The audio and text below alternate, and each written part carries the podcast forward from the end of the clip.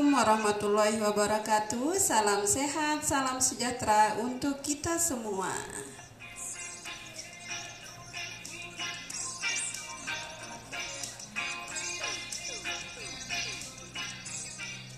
Selamat siang menjelang sore pendengar setia radio Darurat Siaga Covid-19 Nina Bayan Sekolah Perempuan Nusantara. Hari ini Rabu 27 Januari 2021 bertemu lagi dengan saya Iva dalam acara Lapak Nina Bayan di frekuensi 107,7 MHz.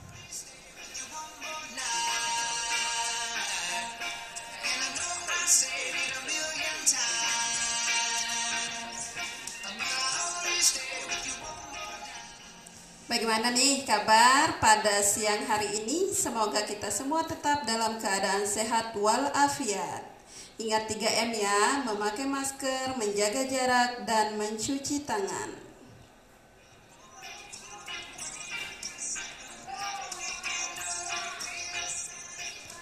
Jangan lupa kawan-kawan, para pendengar setia radio siaga darurat COVID-19, stay at home aja ya. Kalau tidak ada hal penting ya baiknya di rumah terus ya. Biar tambah semangat, kita dengerin satu buah lagu dulu yuk.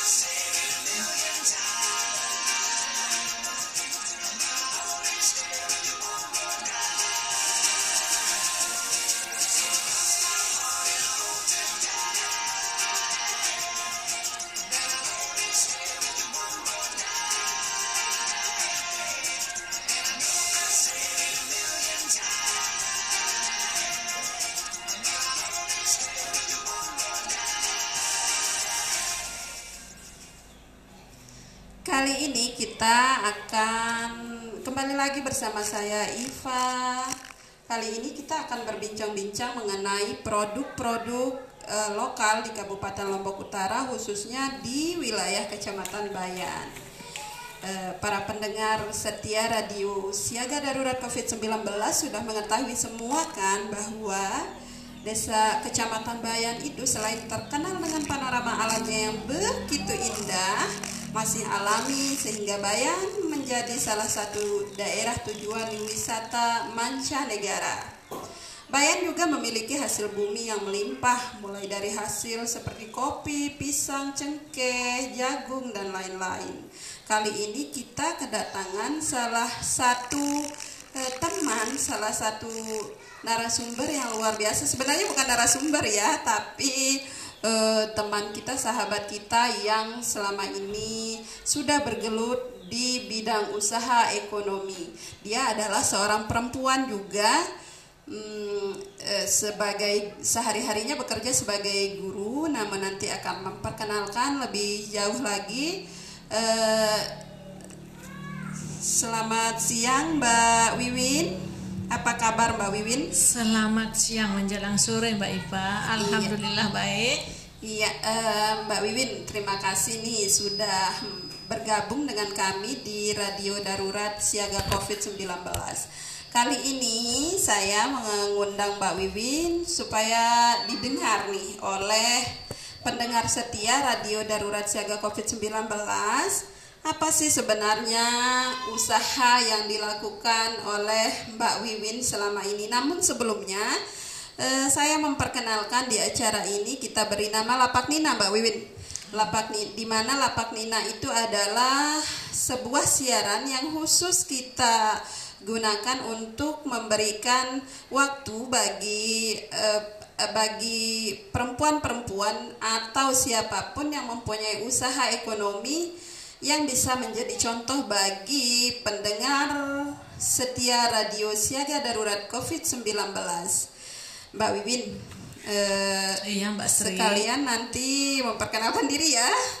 Eh, jadi saya pengen tahu nih pendengar radio siaga darurat COVID-19 juga pengen tahu semua apa usaha Mbak Wiwin yang selama ini Mbak Wiwin e, geluti, bagaimana kisahnya, kemudian apa permasalahan, halangan, rintangan, kemudian apa yang sudah dicapai itu yang kami pengen tahu. E, jadi yang pertama silahkan saya berikan waktu bagi, e, Mbak Wiwin bisa menceritakan Usaha apa yang selama ini Mbak Wiwin geluti? Terima kasih banyak Mbak Ipa. Saya juga alhamdulillah senang sekali kok bisa duduk di sini untuk menceritakan pengalaman saya kepada pendengar radio ya. Ya perkenalkan nama saya Mbak Wiwin Sastika. Sehari-hari menjadi guru honorer juga di salah satu SMPN di Kecamatan Bayan saya sebagai pelaku usaha sejak tahun 2013, sekitar 7 atau 8 tahun yang lalu saya sudah sudah membuka catering. Berawal namanya catering Papi Sahib ya. Akan tetapi sejak Covid ini Mbak Mbak Ipa, iya. Sejak Covid ini sepi lah, sepi orderan. Jadi sekitar satu tahun ini kita sudah buka cabang istilahnya kayak cabang sudah mbak ya keren mbak Win kita ada cabang baru lagi Papi Sahib sekarang sudah punya kelompok sudah berbentuk kelompok kelompok kita ada sekitar enam orang enam orang eh, dalam bidang produk krepek iya ini berarti, untuk tambahan mbak mbak Ipa iya Selain usaha catering, ada juga usaha pengolahan singkong, pengolahan ubi ya. ya. Ubi menjadi keripik. Apa saja keripiknya kau boleh tahu Mbak Wiwin? Keripik ada yang original, masih keripik kayak biasa dah Mbak Ipa. Okay. Tetapi keripik andalan kita adalah keripik tempe Mbak Ipa. Oh iya, berarti keripik ini tidak hanya keripik ubi Ya. Ada keripik tempe, kemudian ada berbagai varian rasa. Uh, seharusnya hari ini kita melihat ya produk tersebut Insya Allah Lain kali kalau radio boleh dibawa untuk Insya Allah. Iya, oke selanjutnya Mbak Wiwin saya pengen tahu nih tentunya dalam membentuk usaha ekonomi yang Mbak Wiwin geluti sekarang e, tentunya ada eh, latar belakangnya kenapa kemudian bentuk usaha kayak gitu kan. Saya pengen denger nih cerita dari Mbak Wiwin apa sih latar belakang yang membuat aduh saya nih harus buat usaha ekonomi. Latar belakangnya kayak gimana? Ya betul Mbak Sri. Semua punya latar belakang ya. Eh betul Mbak Ipa semua punya latar belakang ya. Yang latar belakangnya kita kemarin itu kita kan semua kelompok guru honorer sebenarnya ini mbak. Kan kemarin kita tidak sekolah lah. Istilahnya kita udah BDR jarang ke sekolah otomatis jam kita di rumah itu banyak. Terus selain itu pemasukan juga mbak Ipa. Kemarin kemarin ini lumayan ikut lockdown lah. Iya jadinya kita kita kumpul sama teman-teman. Bagaimana? Ayo Mbak Wiwin, kita buat kelompok usaha biar ada lah pemasukan. Biar seribu dua ribu yang penting ada. Iya. Jadi itu cerita Mbak Wiwin ternyata Mbak Wiwin kalau saya tangkap dari ceritanya bahwa uh, COVID yang selama ini merupakan sebuah bencana global namun memberi uh, dampak positif juga bagi Mbak Betul, Wiwin dan betul, kelompoknya. Iya, Mbak Wiwin. Tadi sih saya dengar ceritanya ada enam orang nih, enam Hmm. orang karyawan gitu. Bukan karyawan sih, sebenarnya kita samaan lah. Oh, mitra seperti itu Mitra ya. lah, Iya. iya. Jadi enam orang bekerja sama membuat membuat sebuah usaha pengolahan keripik. Itu di dalam membuat usaha tersebut ada ndak halangan, misalnya kendala-kendala, masalah di dalam membuat sebuah usaha tersebut. Yang namanya kita buat kelompok pasti ada masalahnya Mbak Ipa. Kemarin-kemarin masalahnya misalnya kita buat hari ini ada aja ya teman yang nggak bisa hadir kan Iya. karena kita maklum kok semua kita punya kesibukan masing-masing untuk itu kita kemarin adakan rapat lagi kita putuskan siapa yang hadir itu yang kita apa namanya sistem bagi hasil lah siapa yang bekerja dia yang dapat Iya. dan alhamdulillah juga Mbak Ipa sekarang kita sudah mendapat izin. Ini juga sudah tingkat kabupaten Mbak Ipa. Iya, eh, stop dulu Mbak Wiwin. Oh. Terkait izin, pastinya Oke. pendengar setia radio siaga COVID-19 penasaran ya. Tadi udah disentil-sentil nih sama Mbak Wiwin. Katanya ada izin. Izin apa sih sebenarnya? Nah, pasti eh, para pendengar setia radio komunitas siaga COVID-19 pasti penasaran ya izin apa yang dimaksud. Namun sebelumnya Mbak Wiwin kita break sejenak mendengarkan lagu berikut ini.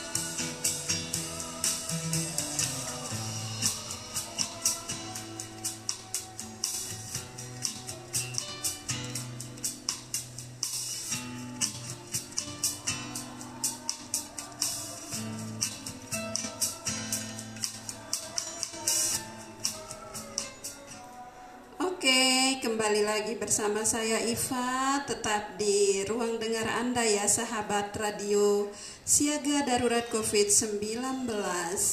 Eh, kembali lagi nih bersama Mbak Wiwin tadi bahas masalah izin dan sebagainya. Namun sebelum kita eh, membahas masalah izin Mbak Wiwin, saya Iya, pengen tahu dan eh, pastinya pendengar juga kepengen tahu nih. Dalam usaha kan butuh modal ya Mbak Wiwin? Betul betul betul. Iya, jadi nah dengan usaha yang berkelompok seperti ini modalnya dari mana gitu. Itu yang kita pengen dengar ceritanya dari Mbak Iwin. Silakan.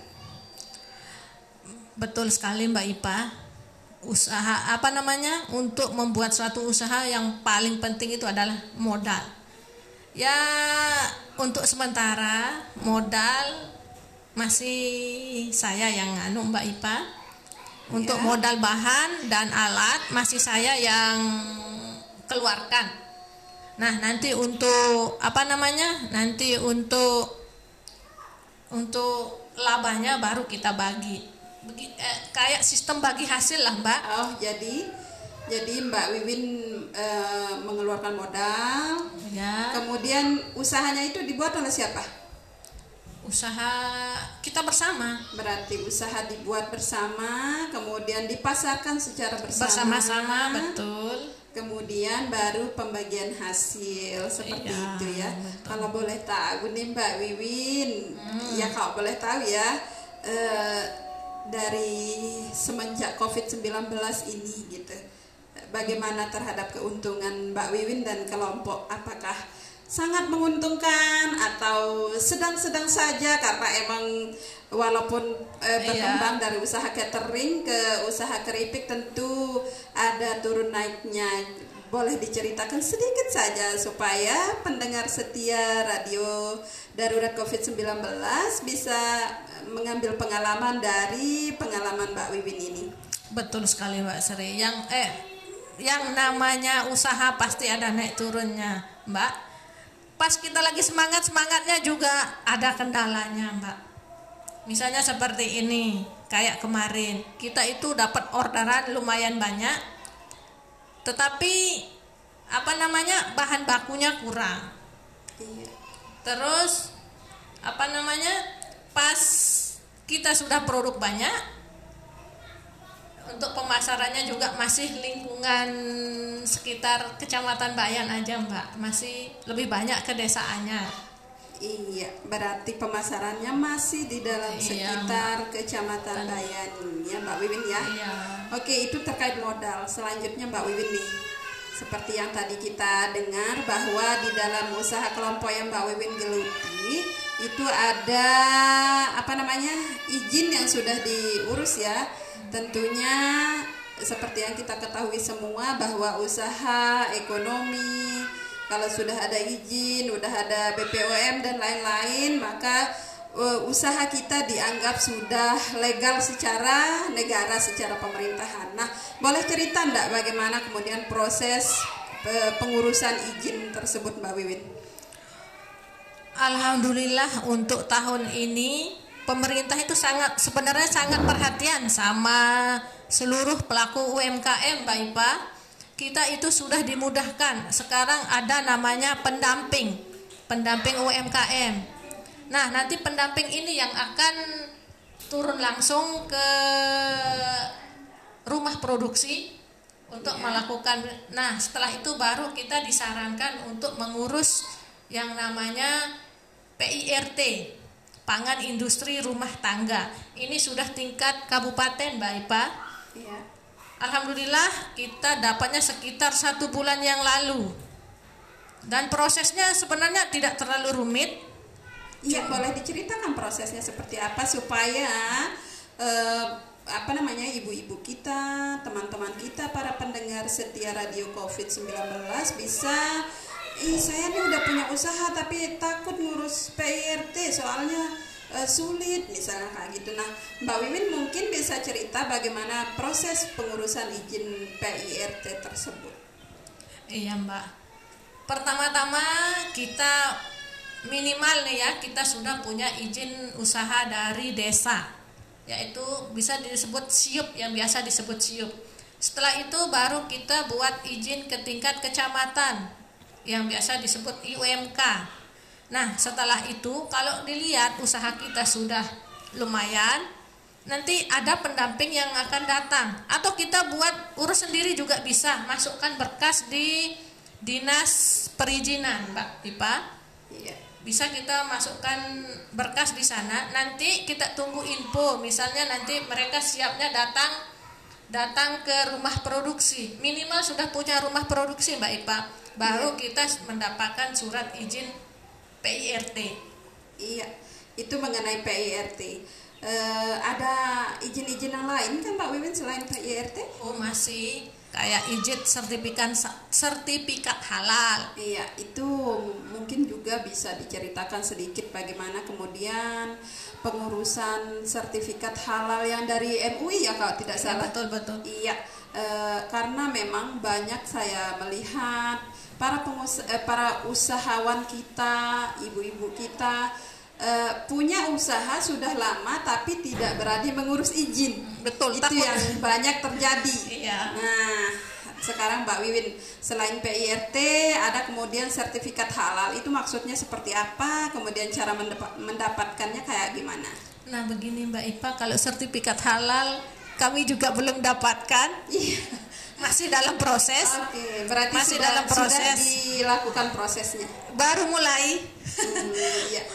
Tapi bisa menceritakan sedikit nggak bagaimana proses tersebut? Harus pun sebelum dapat sertifikat halal kita itu harus mendapatkan PIRT dulu mbak. Ya. itu baru kita urus izin sertifikat halal ini bisa keluar sekitar tiga bulanan ceritanya sih mbak. Ah, berani saya anu tegaskan karena saya juga belum iya.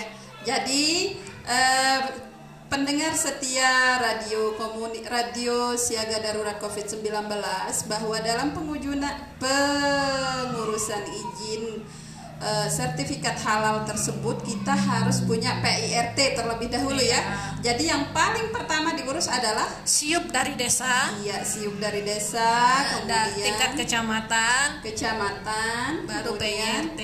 Iya Eh, para pendengar radio siaga COVID-19 mungkin bisa mungkin bisa di rumah bisa apa namanya mencatat ya cara-cara mengurusnya terutama bagi teman-teman kita yang mempunyai usaha ekonomi. Oke, sebelum kita lanjut ke sesi terakhir, kita dengarkan dulu satu lagu berikut ini.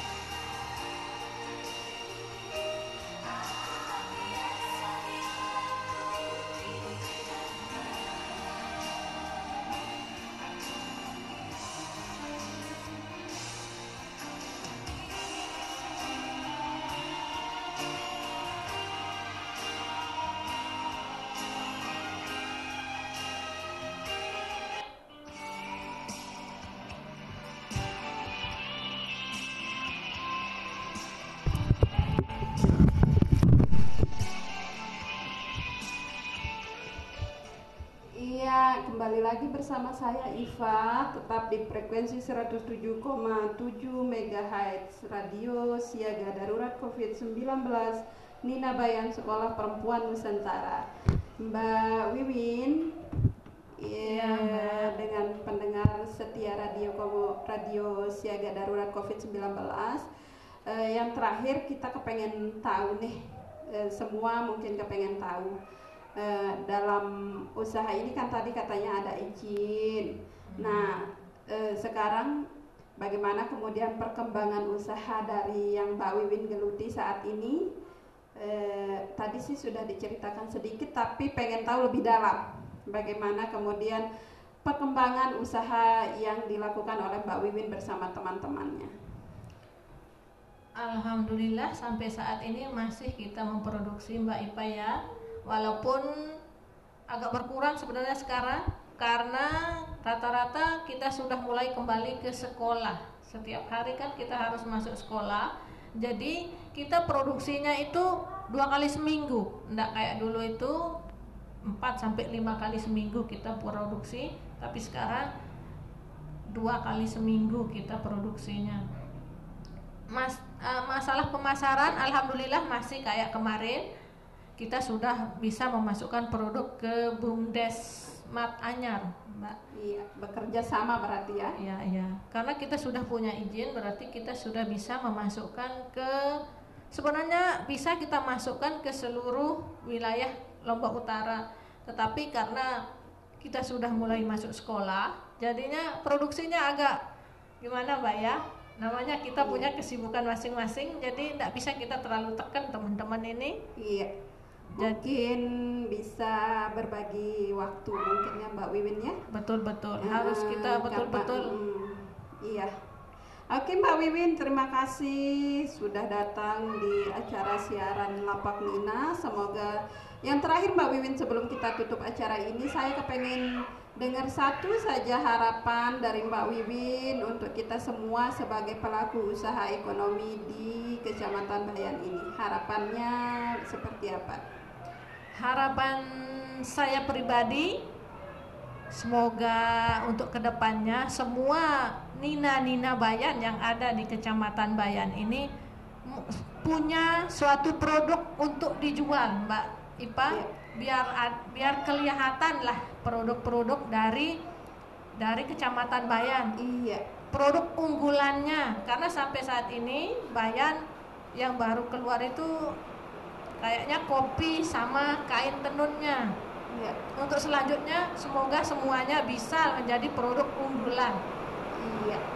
Uh, itu tadi Mbak Wiwin bilang semoga semua bisa menjadi produk unggulan. Karena pada dasarnya Kecamatan Bayan ini mempunyai potensi yang luar biasa betul betul betul. Seperti yang saya sebut di awal tadi ada kopi ada uh, ubi ada singkong ada jagung itu sebenarnya kalau kita bisa olah dengan baik maka itu akan menambah usaha apa namanya menambah penam, pendapatan ekonomi keluarga lebih-lebih kalau sudah bisa berkelompok misalnya betul, sudah bisa betul. bagi hasil seperti itu Mbak Wiwin ya Oke, terima kasih Mbak Wiwin atas kesediaannya e, mengisi acara Lapak Nina pada sore hari ini.